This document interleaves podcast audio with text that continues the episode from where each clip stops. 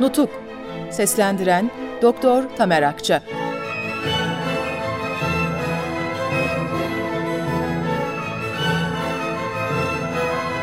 Dokuzuncu Bölüm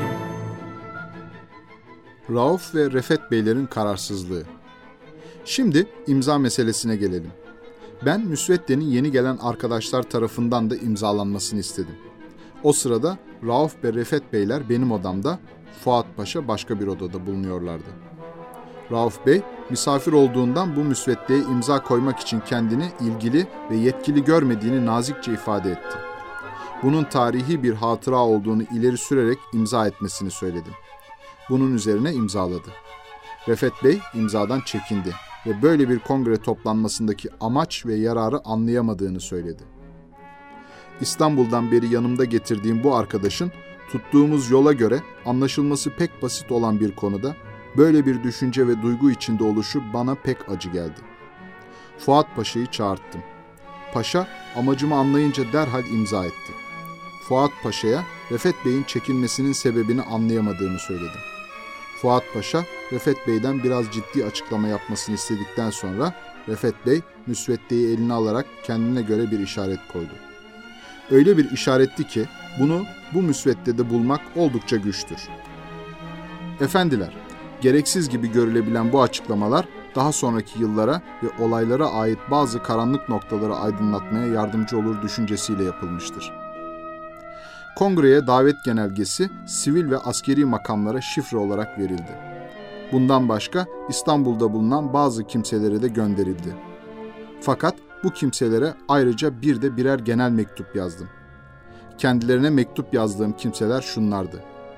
Abdurrahman Şeref Bey, Reşit Akif Paşa, Ahmet İzzet Paşa, Seyit Bey, Halide Edip Hanım, Kara Vasıf Bey, Ferit Bey, Sulh ve Selamet Fırkası Başkanı Ferit Paşa, Cami Bey, Ahmet Rıza Bey. Bu mektupta söylediğim noktaları özet olarak tekrar edeceğim. 1. Yalnız miting ve gösteriler büyük gayeleri hiçbir vakit gerçekleştiremez. 2. Bunlar ancak milletin bağrından fiilen doğan ortak güce dayanırsa kurtarıcı olur. 3. Zaten acı olan durumu tehlikeli bir şekle sokan en etkili sebep İstanbul'daki muhalif akımlar ve milli davayı yaralı bir şekilde yüzüstü bırakan siyasi ve gayrimilli propagandalardır. Bunun cezasını vatanımız aleyhinde fazlasıyla görmekteyiz. 4. Artık İstanbul Anadolu'ya hakim değil, bağlı olmak mecburiyetindedir. 5. Size düşen fedakarlık pek büyüktür. 25 Haziran'a kadar Amasya'da kaldım. Hatırlardadır ki o tarihlerde Dahiliye Nazırlığı görevinde bulunan Ali Kemal Bey benim görevden alındığımı ve artık benimle hiçbir resmi davranışa girişilmemesi gerektiği konusunda şifreyle bir genelge yayınlamıştı. 23 Haziran 1919 tarih ve 84 sayılı olan bu genelge metni dikkate değer bir anlayışı gösterir belge olduğu için aynen bilginize sunacağım.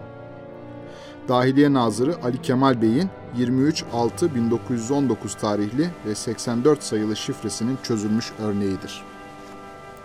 Mustafa Kemal Paşa büyük bir asker olmakla birlikte günün siyasetini pek bilmediği için olağanüstü sayılacak vatanseverlik ve gayretine rağmen yeni görevinde asla başarılı olamadı. İngiliz olağanüstü temsilcisinin istek ve ısrarıyla görevden alındı. Bundan sonra yaptıkları ve yazdıklarıyla da bu kusurlarını daha çok açığa vurdu. Reddi İlhak Cemiyetleri gibi Balıkesir ve Aydın dolaylarında Müslüman halkı boş yere kırdırmaktan ve bu fırsattan yararlanarak halkı haraca kesmekten başka iş görmeyen, emirsiz, saygısız ve kanunsuz olarak kurulan bazı heyetler için öteden beri çektiği telgraflarla siyasi hatasını idari yönden de artırdı. Kendisinin İstanbul'a getirilmesi Harbiye nezaretiyle ilgili bir iştir. Ancak dahiliye nezaretinin size kesin emri artık o zatın görevden alınmış olduğunu bilmek, kendisiyle hiçbir resmi işleme girişmemek, hükümet işleriyle ilgili hiçbir isteğini yerine getirmemektir. Bu genelgeye uygun hareket etmekle ne gibi sorumlulukların giderilmiş olacağını takdir buyuracağınızdan eminim. Ayrıca bu önemli ve tehlikeli günlerde memur, halk her Osmanlı'ya düşen en büyük görev Barış Konferansı'nca geleceğimiz üzerine karar verilirken ve 5 yıldır yaptığımız deliliklerin hesapları görülürken artık aklımızı başımıza devşirdiğimizi göstermek, akıllıca ve tedbirlice davranışları benimsemek, parti, mezhep, ırk ayrılıklarını gözetmeksizin her ferdin hayatını, malını, ırzını koruyarak medeni dünyanın gözünde bu memleketi bir daha lekelememek değil midir? Bu şifreli genelgeden benim ancak Sivas'a vardığım 27 Haziran 1919 tarihinde haberim oldu. Ali Kemal Bey 23 Haziran tarihinde bu genelgesiyle düşmanlara ve padişaha karşı önemli bir görevi yerine getirdikten sonra 26 Haziran 1919 tarihinde hükümetten çekilmiştir. Ali Kemal Bey'in sadrazamlığa verdiği resmi istifa yazısından başka saraya da gidip padişaha kendi eliyle verdiği istifa yazısı örnekleriyle sözlü açıklamasını ve padişahın ona verdiği cevabı çok sonra öğrendi. Ali Kemal Bey istifa yazılarında özellikle bunun padişaha ait olanında Osmanlı topraklarının çeşitli yerlerinde baş gösteren ayaklanma ve karışıklık belirtileri üzerine ihtilal ateşinin hemen çıktığı yerde yayılmadan bastırılıp söndürülmesi ve yok edilmesi için tedbir almak yalnız kendi makamını ilgilendirirken padişahın gösterdiği yakın ilgi ve güveni çekemeyen bazı arkadaşlarının birçok yersiz sebepler ileri sürerek ihtilalin daha da genişlemesine yol açtıklarından söz ettikten sonra resmi görevinden çekilmekle birlikte özel olarak hizmet ve sadakate devam edeceğini ekliyor ve sözlü olarak da resmi görevinden ayrılmasını fırsat bilen düşmanlarının hücumundan ben kulunuzu koruyunuz isteğinde bulunuyor. Padişah karşılık olarak beni büsbütün yalnız bırakmayacağınıza güveniyorum.